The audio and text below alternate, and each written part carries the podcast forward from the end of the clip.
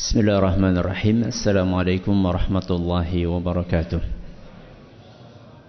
الحمد لله وكفى والصلاة والسلام على رسوله المصطفى وعلى آله وصحبه ومن اكتفى أما بعد كتابا جد كان بجير من شكور كررت الله تبارك وتعالى pada kesempatan malam yang berbahagia kali ini pada tanggal 21 Rajab 1439 هجرية atau yang bertepatan dengan tanggal 6 April 2018 kita masih kembali diberi kekuatan, kesehatan, hidayah serta taufik dari Allah Jalla wa ala sehingga kita bisa kembali menghadiri pengajian rutin untuk membahas adab dan akhlak di dalam Islam di Masjid Jenderal Besar Sudirman di Bogor ini. Kita berharap semoga Allah Subhanahu wa taala berkenan untuk melimpahkan kepada kita semuanya ilmu yang bermanfaat sehingga bisa kita amalkan sebagai bekal untuk menghadap kepada Allah Jalla wa ala. Amin. Salam dan salam semoga senantiasa tercurahkan kepada junjungan kita Nabi besar Muhammad sallallahu alaihi wasallam kepada keluarganya, sahabatnya dan umatnya yang setia mengikuti tuntunannya hingga akhir nanti. Para hadirin dan hadirat sekalian yang kami hormati dan juga segenap pendengar Radio Insani 88.8 FM di Purwokerto, Banyumas, Purbalingga, Banjarnegara, Cilacap, Wonosobo, Kebumen dan sekitarnya serta para pemirsa Yufi TV dan Surau TV yang semoga senantiasa dirahmati oleh Allah Azza wa Jalla. InsyaAllah malam hari ini kita akan menyelesaikan pembahasan tentang hadis yang ke-19 yang dibawakan oleh Imam Ibn Hajar Al-Asqalani di dalam kitab beliau Bulughul Maram, Kitabul Jami' yaitu sebuah hadis yang redaksinya berbunyi wa 'anil Mughirah bin Syu'bah radhiyallahu anhu an Rasulillah sallallahu alaihi wasallam qala dari sahabat seorang sahabat Rasul sallallahu alaihi wasallam yang bernama Al-Mughirah bin Syu'bah. Semoga Allah meridai beliau dari Nabi kita Muhammad sallallahu alaihi wasallam beliau bersabda, "Inna Allah harrama 'alaikum uquqal ummahati wa wa'dal banati wa man'an wahat." Allah Subhanahu wa taala mengharamkan tiga hal.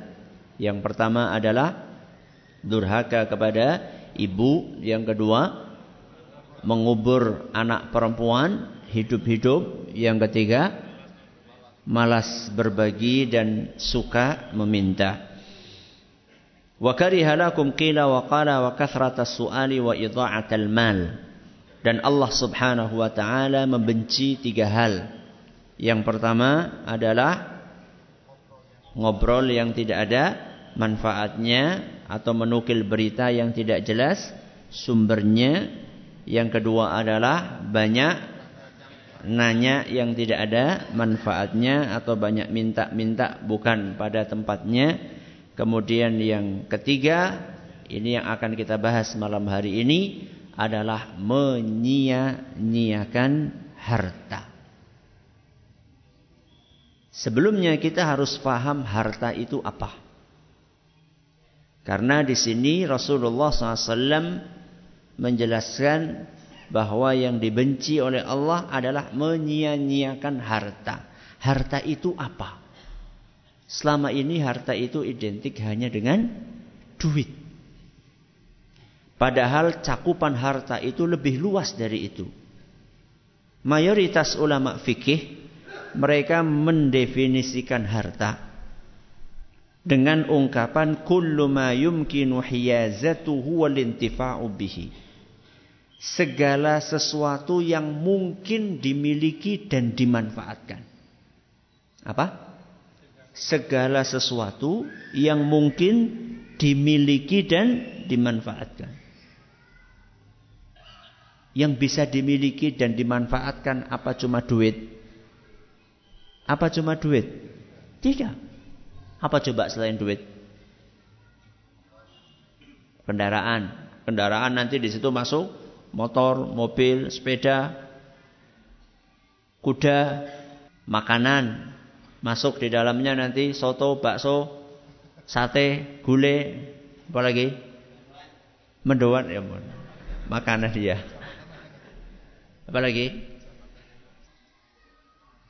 Listrik, Harta atau bukan? Harta. Rumah, tempat tinggal, minuman, air, apa? Pakaian. Pokoknya segala yang bisa dimiliki dan dimanfaatkan itu adalah harta. Nah, menyia-nyiakan harta itu seperti apa? Kita lihat apa yang dijelaskan oleh Imam An-Nawawi rahimahullah. Kata beliau, "Wa amma idha'atul mal, menyia-nyiakan harta adalah sarfuhu fi ghairi wujuhihi syar'iyyah." Menyia-nyiakan harta itu adalah mempergunakan harta tersebut di jalan yang tidak dibenarkan agama. Apa?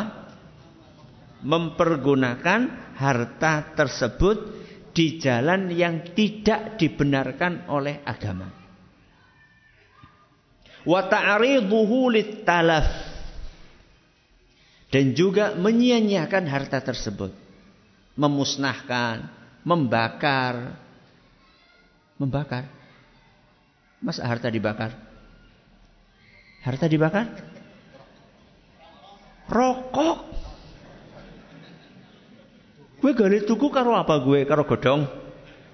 Pakai apa belinya? Pakai duit. Ustadz bukannya menyia-nyiakan harta itu identik dengan angka yang besar. Enggak. Siapa bilang yang namanya menyia-nyiakan harta hanya identik dengan angka nominal yang besar? Termasuk nominal yang kecil. Kalau seandainya di jalan yang tidak dibenarkan oleh agama. Togel sih regane pira? Masa nggak tahu? Berapa? Seribu? Dua ribu? Ya.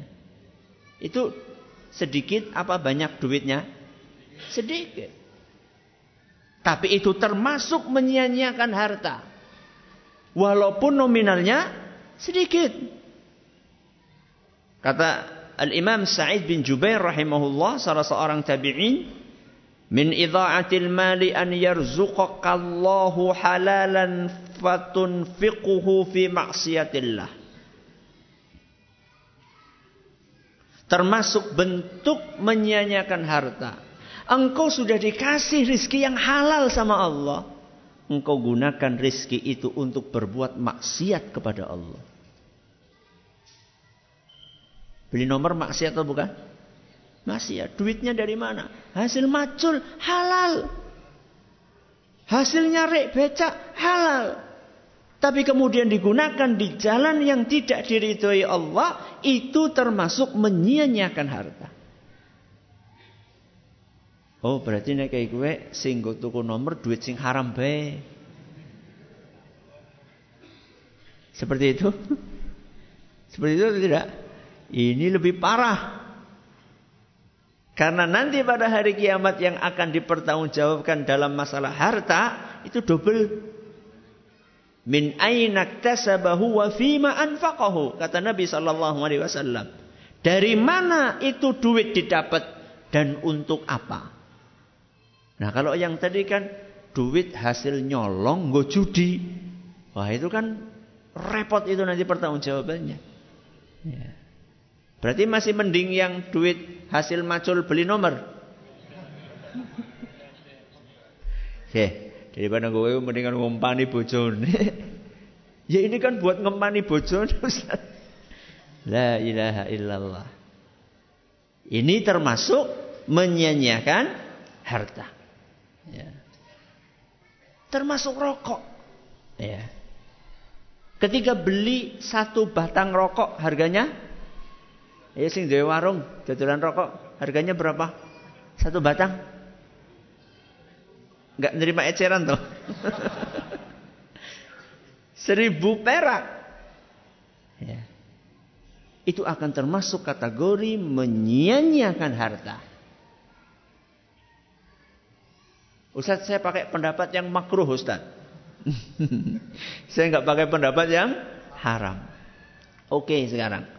Berapa manusia yang Anda rugikan dengan rokok Anda? Istri Anda dirugikan, anak Anda dirugikan, tetangga Anda dirugikan. Ya. Itu yang Anda katakan makruh, kesehatan Anda sendiri Anda rugikan. Maka yang namanya menyia-nyiakan harta tidak selalu identik dengan angka yang besar. Ya. Mungkin dia beli rokok hanya seribu rupiah. Sedangkan orang lain infak ke masjid satu juta rupiah. Apakah orang yang infak satu juta rupiah dikatakan menyia-nyiakan harta? Tidak. Justru ini yang akan mengambil manfaat dari hartanya nanti pada hari kiamat. Dan di dunia sebelum di hari kiamat. Ini definisi dari apa? Menyia-nyiakan harta. Apa bahayanya? Ketika orang menyia-nyiakan harta, apa bahayanya? Dia akan rugi di dunia dan di akhirat. Bukan cuma di dunia saja. Allah Subhanahu wa taala berfirman di dalam Al-Qur'an surat Al-Isra ayat 29. Surat apa? Al-Isra ayat 29. Allah Subhanahu wa taala berfirman, ولا taj'al yadaka maghlulatan ila 'unuqika ولا tabsutha kullal bast." Jangan kalian terlalu pelit di dalam menggunakan harta kalian, tapi juga jangan berlebih-lebihan. Dua-duanya sama-sama jelek.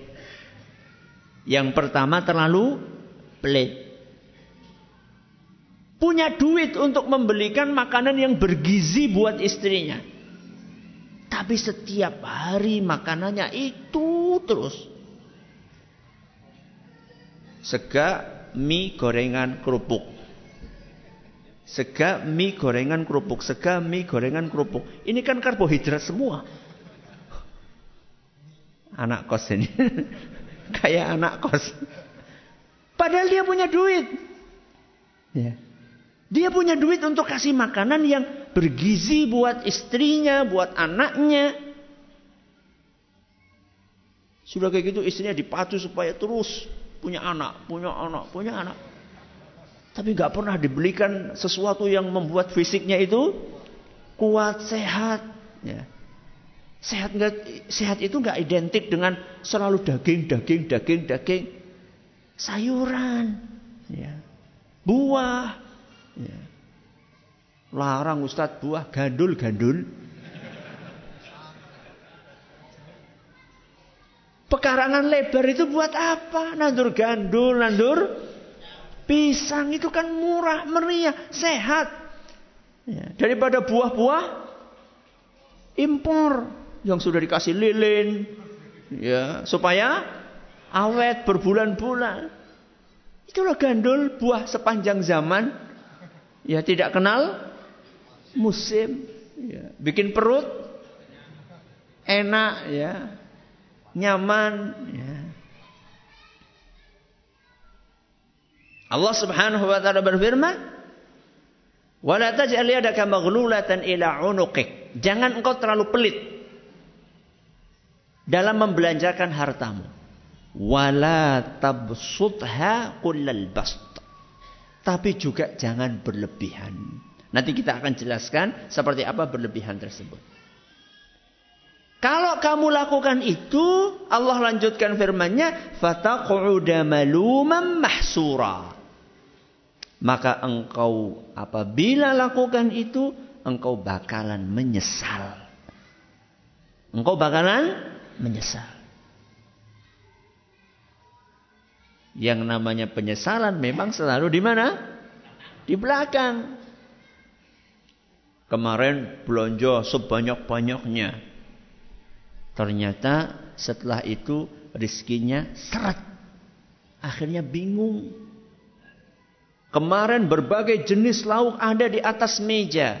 Sebenarnya satu, dua, tiga lauk sudah cukup. Suatu saat Allah subhanahu wa ta'ala ingin ingatkan dia. Akhirnya rizkinya seret hanya untuk mencari satu lauk saja tidak cukup. Dia akan katakan, Oh, andaikan. Nah, andaikan lagi. Ya. Andaikan kemarin aku tidak terlalu boros. Akhirnya nyesel. Seorang ulama namanya Al-Imam Muhammad Al-Baqir. Beliau bercerita. Kana Banu Israel yastanjuna bil khubs. Bani Israel saking melimpahnya makanan di rumah mereka sampai ada di antara mereka yang beristinja dengan roti. Tahu istinja? Maaf, cebok. Jadi ketika nggak ada air, itu kan kita boleh istinja. Istinja atau dengan lebih pasnya istijmar. Ya. Istijmar itu adalah maaf setelah buang air, ya itu aturannya tiga tiga tiga kali ya dengan batu ya ditempelkan maaf di ujung kemaluan supaya kering kesat itu ketika nggak ada air bisa digantikan dengan tiga batu atau batu yang agak gede tapi bisa dipakai di tiga sisi. Jadi aturannya pakai batu atau sesuatu yang bisa meresap air. Ya. Nah mereka ini saking berlebihannya makanan, roti itu dibikin buat istinja. Ini kan sudah kebangetan. Fasallallahu alaihimul ju' maka Allah hukum mereka dengan paceklik. Dengan kelaparan. Sehingga mereka sulit untuk menemukan makanan. Faj'alu yatba'una husushahum fayakulunaha. Akhirnya mereka cek toilet mereka yang dahulu. Dicari roti-roti yang dulu pernah mereka pakai untuk istinja. Akhirnya mereka makan roti-roti itu. Nyesel. Ya. Maka jangan pernah kita menyanyiakan harta kita. La in syakartum la azidannakum. Wa la in kafartum in azabi lasyadid. Kalau kalian syukur aku akan tambah kata Allah Subhanahu wa taala. Firman Allah Subhanahu wa taala. Tapi kalau kalian kufur, ingat siksaanku sangat pedih. Ini baru di di dunia. Di akhirat Allah Subhanahu wa taala berfirman dalam surat Al-Waqiah ayat 41 sampai 45. Ayat 41 sampai 45. Ketika Allah Subhanahu wa taala menceritakan tentang golongan kiri. Golongan kiri berarti penghuni neraka.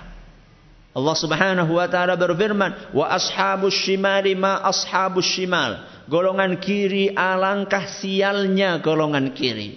Fi samumin wa hamimin wa dhillim min yahmum la baridin wa la karim. Mereka didapat mendapatkan siksa dengan angin yang sangat panas dan air yang sangat mendidih, dipenuhi dengan asap yang pekat, hitam, tidak sejuk, tidak nyaman. Kemudian Allah sebutkan bagaimana dahulu ketika di dunia. Innahum kanu qabla dzalika mutrafin. Padahal dahulu ketika di dunianya mereka hidup dalam kemewahan yang berlebihan. Mereka dikasih rizki oleh Allah tidak disyukuri. Malah mereka sia-siakan harta tersebut. Akhirnya mereka dijebloskan oleh Allah subhanahu wa ta'ala ke dalam neraka jahanam. Buru-buru mendapatkan kemewahan. Sumpek. Panas. Gelap. Na'udzubillahi min. Nah, sekarang kita akan bahas potretnya seperti apa. Contoh real menyia-nyiakan harta seperti apa. Siap-siap untuk introspeksi diri. Kita di sini bukan untuk menyalah-nyalahkan, kecuali kalau benar-benar salah. Lu salah masa kau ngomong apa? Benar. Ya. Kita ngaji di sini untuk memperbaiki diri. Potret menyia-nyiakan harta, ada yang makruh, ada yang sampai taraf haram. Ya.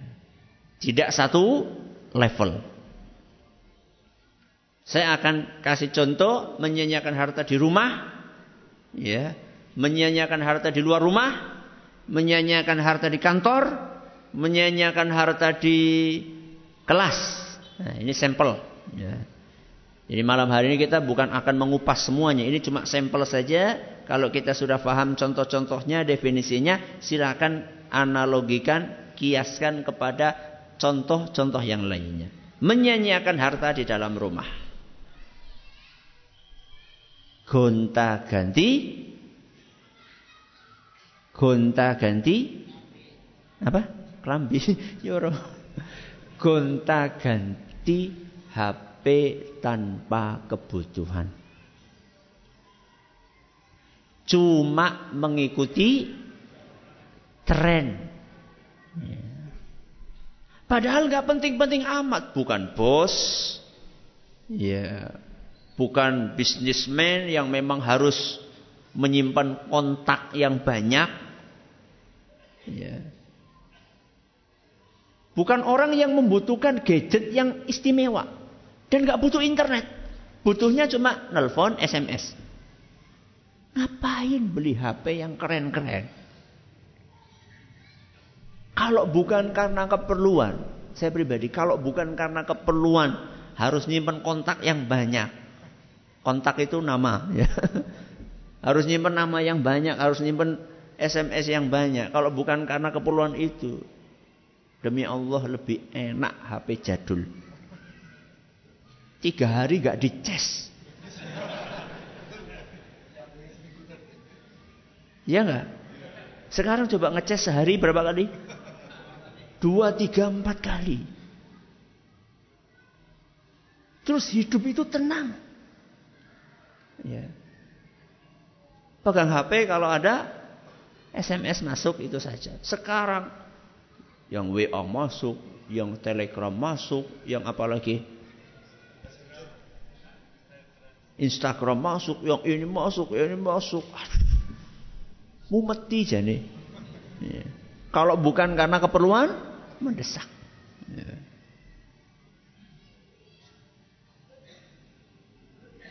Gonta ganti mobil. Bukan karena keperluan lagi-lagi. Bukan karena keperluan. Cuma karena gengsi saja. Ya. Mobil belum ada setahun, belum ada setengah tahun.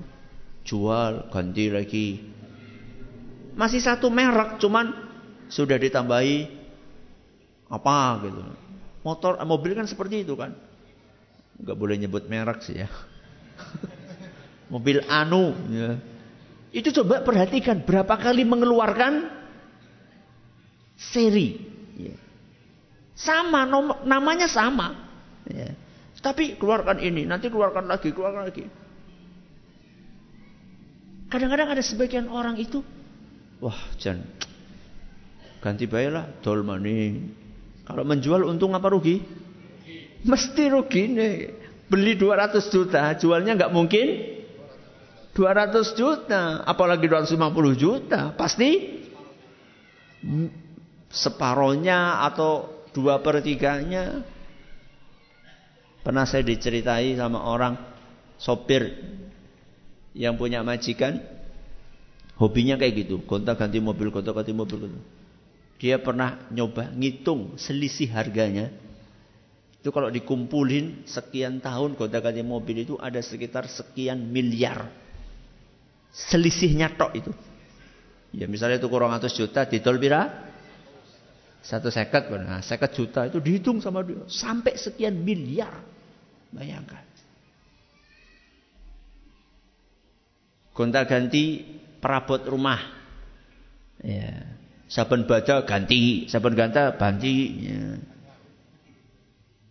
Maaf ya yang punya toko mebel.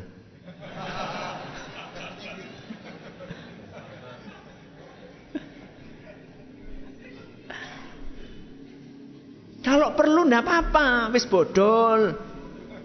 Ya saya itu punya kursi di rumah. Mulai zaman bapak saya. Itu alhamdulillah esih butuh. Cuman kur bolak-balik di pernis maning. Kemudian mandan oglek-oglek paku maning. Kemudian wis apanya ini? uh, ininya loh. Empuk-empuknya ini loh. Busanya wis kempes. Eh, tambahi maning diganti sing mandan apik ya. Alhamdulillah. Ya. Kalau memang nggak perlu untuk ganti, nggak usah ganti ngapain. Apalagi orang hobinya setiap tahun ganti keramik. Ya Allah. Umay bolak-balik dicoploki maning, dibuang, coploki ganti maning la ilaha illallah. Dulu mester, ya, tehal ya, tehal. Begitu datang keramik, ganti keramik 30 30. Wah, ini sekarang sudah bukan modelnya keramik, sekarang modelnya granit, ganti granit. Begitu ada marmer ganti marmer, bu ngemben apa maning. La ilaha illallah. Boros. Ya. Termasuk juga membuang makanan. Membuang makanan. Karena masaknya terlalu banyak atau karena belinya terlalu banyak. Kita kan bisa ngukur. Perut kita ini seberapa? Perut anak kita seberapa? Perut istri kita seberapa? Kalau memang kita ingin, kalau kita sudah tahu anggota di dalam rumah ini jumlahnya sekian. Kenapa mesti masak sepanci besar? Ya. Kalau memang, kecuali kalau memang Anda pengen bagi, bagi-bagi dari awal. Kalau memang saat ini Anda belum ingin bagi-bagi, sudah secukupnya saja. Ya. Betapa banyak makanan-makanan yang basi di rumah kita. Mendingan kalau misalnya punya hewan piaraan ayam gitu kan, masih mending dikasihkan ke ayam. Betapa berapa banyak butir nasi yang masuk ke sepiteng rumah kita. Ketika kita cuci atau ketika kita selesai makan masih ada nasi-nasi yang di piring kita atau masih ada nasi yang basi atau kering di magic jar kita. Ya. Niatnya pengen ngirit awalnya. Masalah sekalian dua hari gitu kan. Tapi karena kelamaan di magic jar jadinya kering. Gak bisa dimakan. Akhirnya dibuang. Ya. Itu berlebihan dalam makanan. Berlebihan dalam memakai air. Sekalipun berwudu. Contohnya adalah wudu dengan menggunakan full kran. Full kran. Apa full kran? Krannya dibuka jos. Pure. Orang marem Ustaz. Saya tanya sama jenengan. Siapa yang berani mengklaim wudhunya lebih sempurna dari Rasulullah SAW? Angkat tangan. Tidak ada toh? Tidak ada. Lihat bagaimana volume air yang digunakan oleh Rasulullah SAW untuk berwudhu. Dalam sebuah hadis yang diriwayatkan oleh Imam Bukhari dan Muslim. Salah satu sahabat beliau Anas bin Malik radhiyallahu anhu bercerita, "Kana Nabi sallallahu alaihi wasallam yatawaddau bil mud." Nabi sallallahu alaihi wasallam wudu dengan air volumenya satu mud. Satu mud itu kata para ulama kita segini. Tangan dewasa Tangan orang dewasa dua digabungkan diisi air. Itulah volume air yang digunakan oleh Rasulullah SAW untuk berwudu. Kita kalau wudu ditadai pakai ember, kira-kira pirang ember. Sudah kayak gitu buka keran, belum wudu sambil ngobrol. Ki pateni diisi tarap ngobrol pateni. Pernah suatu saat dalam hadis yang diriwayatkan oleh Imam Ahmad dan dinyatakan Hasan Isnad oleh Syekh Al-Albani, Rasulullah Shallallahu alaihi wasallam lewat seorang sahabatnya sedang wudhu. Dan menggunakan air kebanyakan. Maka Rasulullah Shallallahu alaihi wasallam bersabda, "Ma saraf?" Ini apa-apaan ini? Kamu kok boros pakai air? Maka sahabat itu bertanya, "Ya Rasulullah, afil wudhu saraf?" Wahai Rasul sallallahu alaihi wasallam, apakah menggunakan air untuk berwudu bisa masuk kategori boros? Ini kan buat wudhu. Syarat sahnya sholat kan orang dalam keadaan apa? Suci. Supaya suci salah satunya adalah dengan berwudu. Ini buat ibadah wahai Rasul. Apakah ada boros dalam ibadah? Nabi SAW mengatakan, Naam wa in kunta ala nahrin jarin. Ya, ada sikap boros dalam berwudu. Sekalipun engkau wudu di sungai yang mengalir. Alasan apa lagi? Kita wudunya di mana? Di sungai. Keran. Si bayari banyu ki siapa aja, Nyong wis infak iki Ustaz infak sewu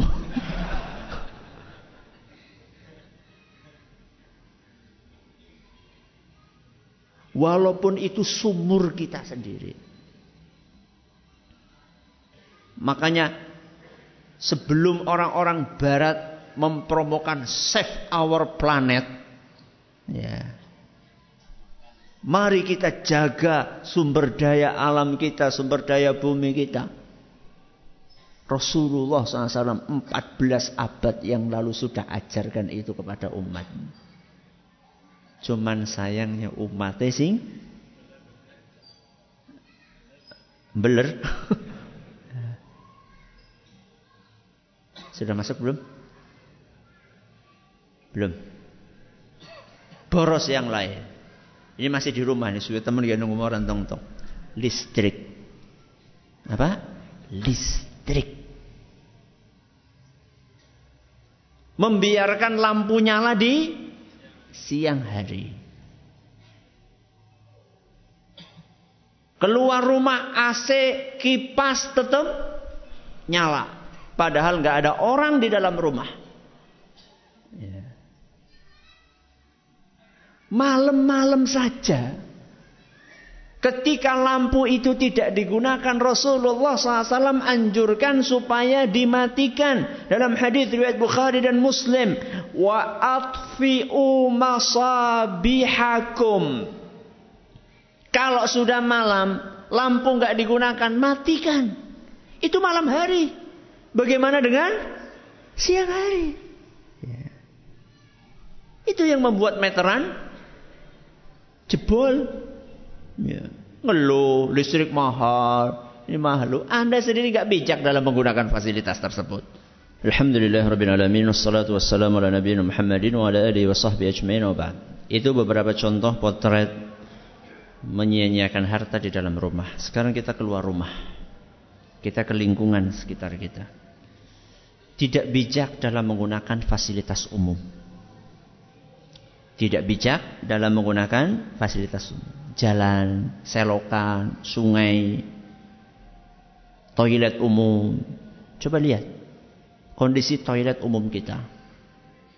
Hampir masuk toilet itu hampir nggak ada dinding yang bersih. Selalu ada tulisan.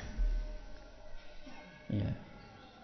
Dan tulisannya selalu seringnya negatif. Ya. Lihat sungai-sungai kita, isinya apa? Sampah. Ya. Ketika banjir yang disalah-salahin dinas apa? Apa? Dinas PU ya, yang ngurusi sungai. Padahal yang buang sampah siapa? Ya. Plastik, popok. Bahkan saya pernah lihat dengan mata kepala saya sendiri. Sebuah selokan di kota ketika sedang diperluas kasur kasur Kue kasur bisa mlebu selokan ki kepriwe gitu loh. Ini kan kebangetan banget gitu loh. Saya tanya selokan, jalan, bangunan itu semua itu kan harta. Ya. Kita harus bijak dalam menggunakannya. Contoh, contoh yang lain. Dan ini banyak berlebihan dalam membuat resepsi pernikahan. Pernah ada seorang wedding planner. Ya. Wedding planner. IO-nya pernikahan. Ya. Pernah disuruh ngurusi sebuah pernikahan besar-besaran di sebuah kota di Sumatera. Ternyata tamu undangannya nggak cukup di gedung itu nggak cukup. Akhirnya minta kepada pengelola gedung itu untuk memperluas gedungnya.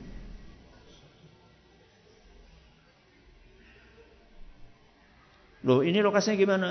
Ini kan ada pohon-pohon, tebang pohonnya. Setelah selesai pernikahan, bongkar lagi bangunannya. Innalillahi wa ilaihi Cuma buat resepsi. bikin bangunan baru dibongkar lagi.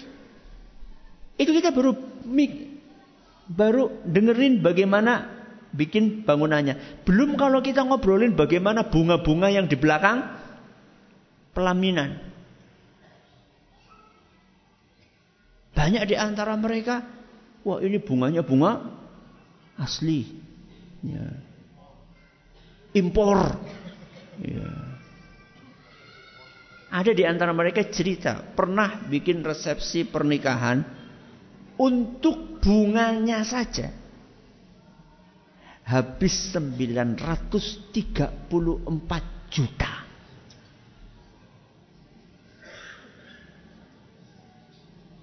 Dan itu budget minim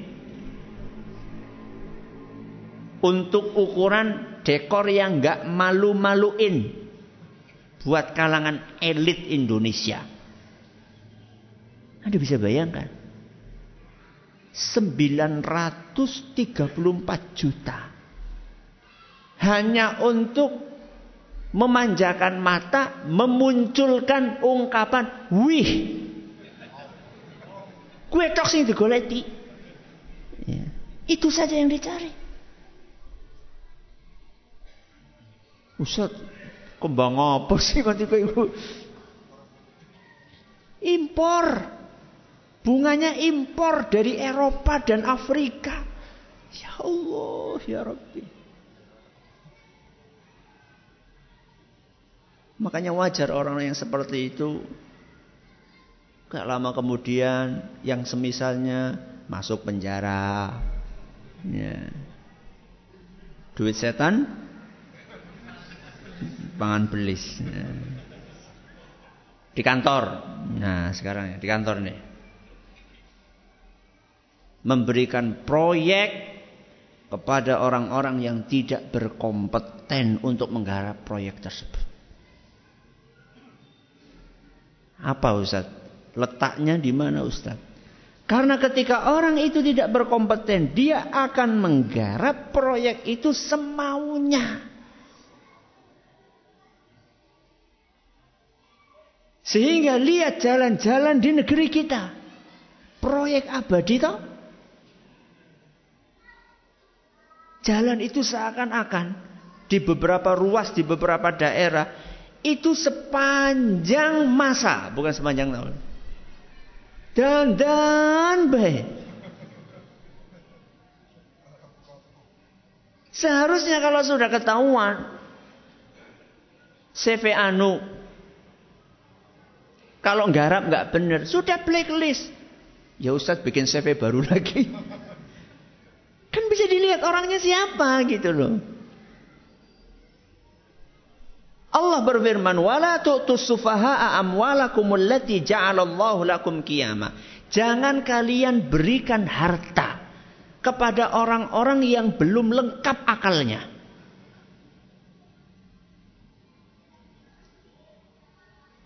Ini ayat sebenarnya ngobrolin tentang anak yatim. Kalau kita dapat amanah hartanya anak yatim, jangan diberikan harta itu kepada anak yatim ketika belum dewasa. Karena khawatirnya nanti dia belanjakan nggak benar. Alasannya khawatir dibelanjakan nggak benar.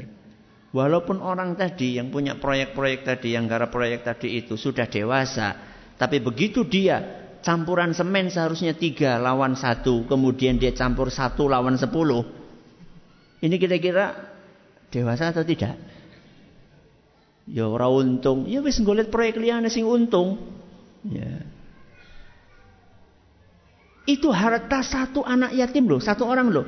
Ini buat bangun jalan harta berapa orang? Ya. Terakhir di kelas. Ya, di di kelas yang masih sekolah. Gonta ganti buku tulis padahal buku tulisnya masih kosong. Ada itu? Banyak. Setiap naik kelas ganti buku tulis. Padahal buku yang lama masih kosong, masih tebel. Ya. Slogannya apa? Naik kelas ganti buku. Ya. Ngirit, nih saya kasih contoh bagaimana para ulama kita ngirit kertas. Ya saya bawakan contoh manuskrip. Manuskrip itu tulisan tangan asli ulama dahulu. Anda bisa perhatikan ya, nulisnya itu dari ujung kanan atas sendiri sampai ujung kiri tidak disisain apa? Spasi. Dari atas sampai ke bawah tidak ada sisa spasi sedikit pun. Nanti di halaman berikutnya seperti itu. Ini lihat bagaimana ulama kita itu menghargai harta. Ini bukan pelit. Ini namanya apa? Irit. Bedanya siapa Ustadz? Ya beda lah. Ini yang menyebabkan salah satunya ulama kita bukunya, ilmunya itu barokah. Gak seperti kita. Jajal sinau bahasa Inggris pirang tahun? Saya tanya, sinau bahasa Inggris pirang tahun? SD sudah belajar toh? One, two, one, two, three, four. Ya. SMP belajar lagi? Belajar. SMA belajar lagi? Belajar. S1 belajar lagi? Belajar. Tamat S1 bisa ngomong bahasa Inggris? Orang bok? Bisanya kan what is your name? How are you? Baru gue, wis. Berapa tahun kita habiskan umur kita? Bahasa Inggris gue rasa datakan suwe-suwe, kursus tulung wulan, rampung. Ya. Saya bukan sedang anti bahasa Inggris enggak. Cuman eman-eman waktu nih. Kayak gue ya juz ama orang apal. Ya. Itulah salah satu yang membuat kenapa ilmu para ulama kita barokah. Ya. Mudah-mudahan kita bisa mengambil pelajarannya dan intinya jangan apa? Menyia-nyiakan harta. Wallahu taala ala wa alam. Kita tutup sampai di sini. Terima kasih atas perhatiannya menutup segala kurangannya. Kita tutup dengan membaca subhanakallahumma wa bihamdika asyhadu an la ilaha illa anta astaghfiruka wa atubu ilaik. Assalamualaikum warahmatullahi wabarakatuh.